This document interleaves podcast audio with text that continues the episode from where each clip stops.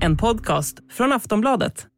The European Union has agreed to immediately block 75% of Russian oil imports and more by the end of the year in a move designed to choke off funding for the Kremlin's war in Ukraine. The deal comes as Russia stepped up its shelling of Kharkiv, with huge swathes of the east of the country now under their control. Ja, EU beslutade sig häromkvällen för att stoppa importen av den ryska oljan. 75 procent av den europeiska importen stoppas direkt och när året är slut så ska den siffran ha stigit till 90 procent. Och visst vill man med detta försöka få till ett stopp på kriget i Ukraina. Man hoppas att sanktionerna ska bli så svidande för Ryssland att de måste dra sig tillbaka. Men kommer det verkligen att hända? I västvärlden så vill man inte köpa den ryska oljan. Men hur ser det ut österut? Kommer Ryssland istället sälja oljan till länder som Kina och Indien? EU meddelade också att man kommer satsa på stora investeringar av förnybar energi för att ersätta oljan, vilket i längden är bra för klimatet samtidigt som det är mindre pålitligt. Men kommer det här verkligen få ett stopp på kriget? Trots tidigare sanktioner mot Ryssland så fortsätter kriget i Ukraina utan att Ryssland ser ut att tröttna. I dagens avsnitt så går vi igenom vad allt detta innebär. Blir det ett stopp på kriget? Hur har Putin reagerat? Och när kan vi verkligen komma att märka av det här? Det här det är Aftonbladet Daily, Sveriges största nyhetspodd. Och jag heter Jenny Ågren. Och jag har återigen med mig vår utrikespolitiska kommentator Wolfgang Hansson. Välkommen till Daily, Wolfgang. Tack. Vad kommer nu det här beslutet att betyda för Ryssland? Ja, det betyder att man eh, efter årsskiftet inte längre kommer att kunna sälja eh, sin olja till eh, EU-länderna. Bortsett från då Ungern, Slovakien och Tjeckien som kommer att fortsätta att ta emot olja som kommer i pipeline. De, de har ingen kust de länderna och eh, därför har de begärt undantag eh, eftersom de är väldigt beroende av rysk energi och inte klarar sig utan den. Eh, så får de fortsätta importera via pipeline men all olja som går via fartyg till Europa eh, kommer att stoppas då senast vid årsskiftet. Mm, och EU tänker att det här ska ta bort en del av Rysslands finansiering av kriget. Ja, det kommer den ju göra.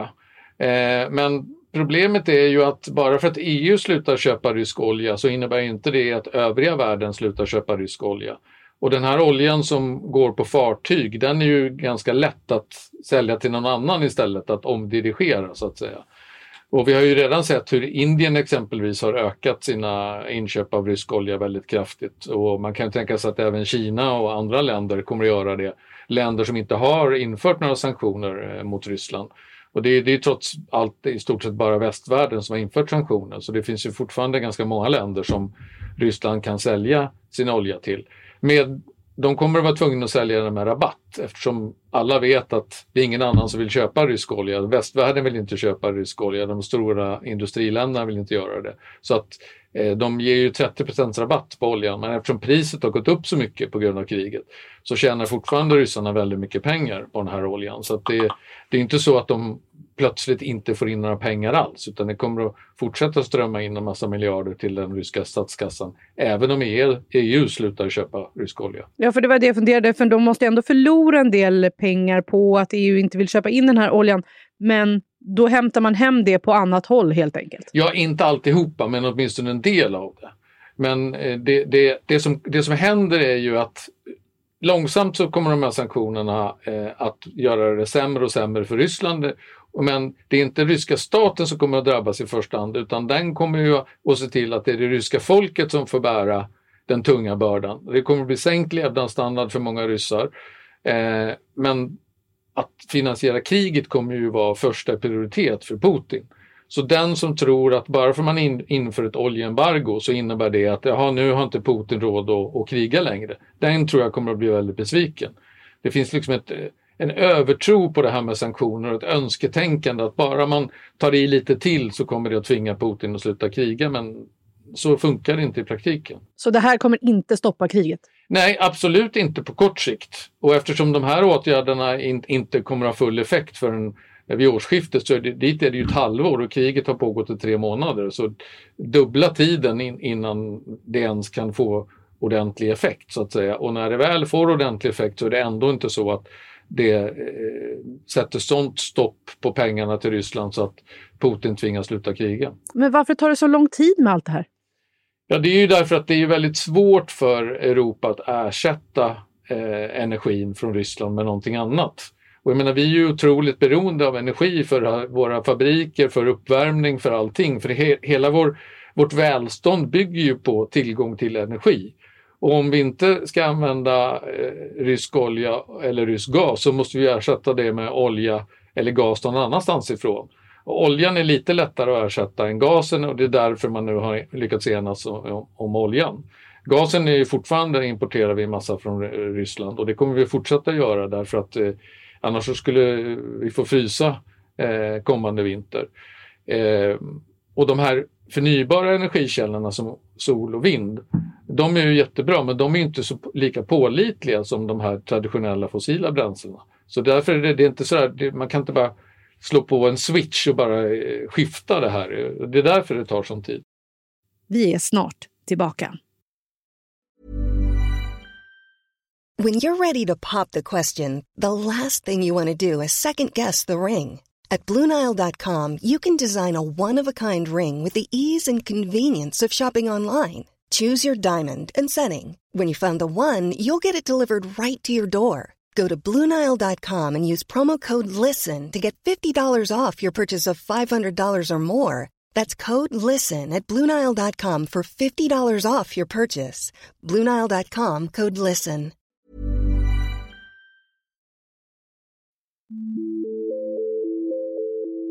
Och sen så pratade ju Ursula von der Leyen om det här att man enats om stora investeringar i förnybar energi som då ska kompensera för uh, ryska oljan. det går ju, som du säger, också inte på en kvart att få till förnybar energi. Betyder det att stoppet av den ryska oljan kommer bli långvarigt? Ja, alltså när man nu väl har bestämt sig för att stoppa rysk olja så kommer det ju, när det väl träder i kraft, liksom, så kommer det ju att eh, vara under, under lång tid. Det, det, skulle jag tippa. Men de här sol och vind som man ska ha istället att investera i, det är ju ingenting som byggs upp över en natt eh, precis som du säger. Och det kommer ju ta flera år innan de investeringarna kommer ge full effekt i form av ökad energi. Och under tiden måste man ju ersätta, antingen måste man spara på energi så att man gör av med mindre energi eller så måste man ersätta oljan från Ryssland med annan olja eller no någonting annat. Eh, annars går ekvationen inte ihop och det är ju det, är det som har varit problemet nu för Europa när det gällt oljeembargot att eh, många vill gärna eh, så att säga bli av med det här beroendet från Ryssland. Men man vill ju först försäkra sig om att man verkligen kan få in annan energi innan man stänger av den ryska oljan. För annars riskerar vi att hamna i ett läge där sanktionerna slår hårdare mot oss själva än vad de gör mot Ryssland och det är ju inte meningen. Kan man ändå på något sätt säga att, då att det här importstoppet är bra för klimatet? Det skulle kunna vara bra för klimatet därför att det skulle kunna snabba på omställningen. Eftersom man nu gör många investeringar då i, i, i sol och vindkraft ex, exempelvis.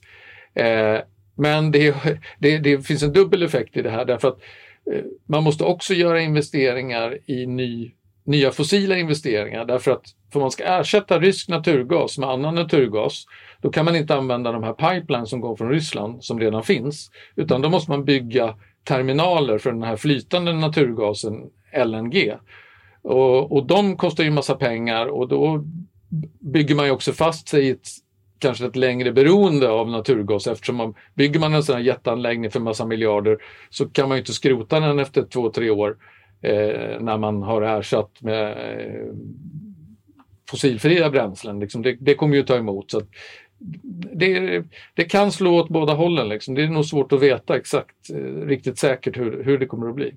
Har man hört någonting från hur eh, Vladimir Putin har reagerat över det här? Nej, jag har inte sett några direkta reaktioner från honom ännu. Men ryssarnas normala reaktion på det här är att ja, ja, eh, ni inför era sanktioner men det är inga problem för oss. Vi, vi klarar det alldeles utmärkt. Och, och, och, och det, det, har de ju visat än så länge att de har ju klara sig bättre än vad många hade trott. Så här långt, det har gått tre månader och många sa ju att de här sanktionerna som infördes direkt när kriget började, som ju var väldigt tuffa, att de skulle liksom märkas inom loppet av några veckor eller högst en månad eller två så skulle Ryssland vara nära konkurs och så vidare. Eh, och det har ju visat sig att så har det inte blivit och det är ju tyvärr ett mönster som upprepas när det gäller sanktioner, att det är väldigt ofta så att den som inför sanktioner eh, talar vitt och brett om hur otroligt tufft det här kommer att slå mot landet som, som ska drabbas. Eh, men i praktiken så finns det kryphål och sätt att komma undan och det, det, det, är, liksom, det, det är på väldigt lång sikt så kan de här sanktionerna knäcka Ryssland. Men det, frågan är om Ukraina har eh, kapacitet att hålla stånd så länge emot den ryska armén liksom tills, tills de här sanktionerna har bitit tillräckligt. Du var inne lite på det i början. Uh, Ungern, Tjeckien och Slovakien är undantaget i det här stoppet. Hur kommer det sig? Därför att om man inte hade gjort det undantaget så hade, man inte, hade det inte blivit en uppgörelse. Därför att Ungerns eh, premiärminister Viktor Orbán, han vägrade gå med på, på eh, ett oljeembargo mot Ryssland om inte Ungern fick det här undantaget. Och inte nog med det, det är också så att han har fått garantier för att om Ukraina skulle stänga av oljan, därför att den går i pipeline genom Ukraina, eh, så har Ungern fått garantier för att de ska få olja från EU, från andra länder. Så att han har liksom både hängslen och livrem i det här och det var ju, det var ju lite av en utpressningssituation. Där han liksom genom att hela tiden säga nej, nej, nej till embargo till slut tvingade Eh, övriga EU-länder att gå med på det här, för annars hade man inte kunnat komma överens. För det måste vara, eh, alla länder måste vara eniga om man ska införa sanktioner. Mm, och vår egen eh, statsminister Magdalena Andersson var ändå lite överraskad och positivt överraskad att de hade kommit så långt i förhandlingarna ändå. Ja, och det var ju, för en gångs skull var det ju så att väldigt många eh, tonade ner förväntningarna inför mötet. Eh, von der Leyen gjorde också det. Hon sa nej, jag tror inte vi kommer, vi kommer ens inom de närmaste 48 timmarna, men kanske efter det. Eh, så, men det var kanske också för att, då, att dämpa förväntningarna lite och sen så skulle det då se ut som en kanske större framgång än, än vad det egentligen var. Eh, och EU-ledarna är ju väldigt pigga på att eh, tala om att det här var en fantastisk eh, eh prestation vi lyckades med och kom överens om det här och det här kommer att eh, sänka den ryska armén och så vidare. Men, eh, och de vill ju visa på Europas enighet, att den är fortsatt väldigt stark. Eh, men man ska inte heller överdriva de positiva effekterna man kan få av det här embargot. När tror du att vi verkligen kommer märka av det här?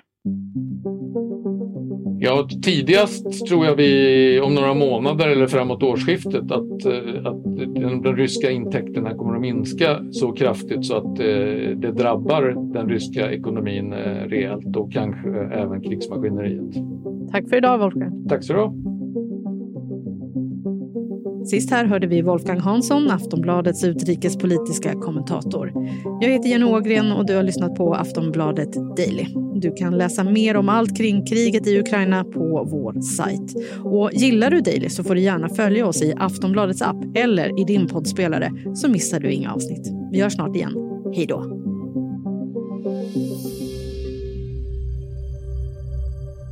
Du har lyssnat på en podcast från Aftonbladet. Ansvarig utgivare är Lena K Samuelsson.